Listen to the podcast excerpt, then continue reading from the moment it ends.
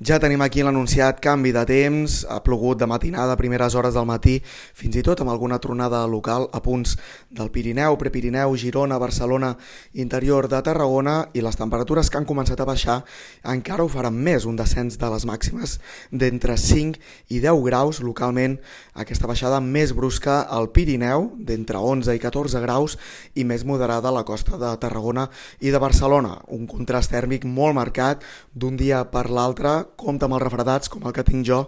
perdoneu aquesta fonia, i pel que fa a les precipitacions, doncs de cara a la tarda no es descarta que es pugui repetir algun ruixat, alguna tronada local a les comarques de Girona, nord de Barcelona, potser en algun punt del Pirineu i Prepirineu, poca cosa hi passarà ràpidament i fortes ventades a moltes comarques, sobretot de Barcelona, Tarragona i Ponent. I aquestes temperatures ben baixes, ambient hivernal que es mantindrà al cap de setmana, dissabte de nou amb alguns ruixats dispersos al nord-est, ventades al sud i a l'Empordà i de cara a diumenge